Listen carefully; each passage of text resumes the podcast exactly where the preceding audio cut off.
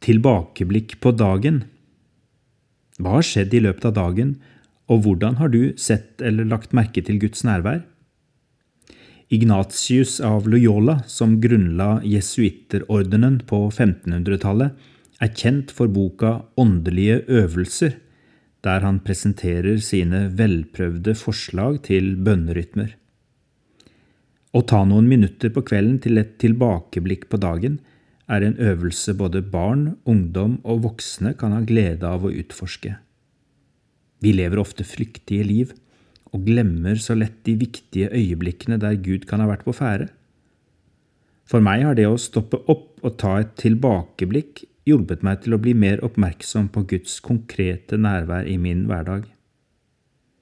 Ignatius kalte bønneformen for eksamen, og senere har gode veiledere utviklet utallige varianter av den opprinnelige øvelsen. Her er en måte å disponere øvelsen på som varer ca. ti minutter. L pluss T pluss 3F, som står for lys, takk, følelser, fokus og fremtid. Først lys. Øvelsen begynner med å be om Guds lys over dagen som har gått. Målet er ikke bare å huske, men å få en nådig forståelse under Guds kjærlige blikk. Så er det takk.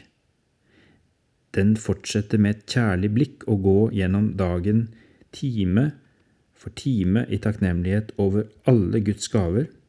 Snurr film. Så er det følelser. Kjenn etter hvordan alt føltes. Respekter dine følelser, de gode og de smertefulle.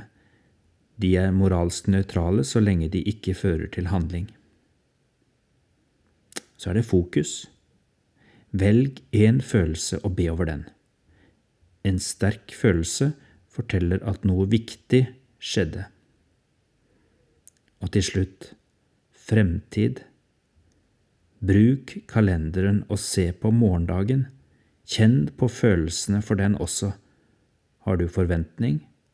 Gruer du deg? Er du redd for noe? Er du usikker på deg selv? Overgi det hele til Gud.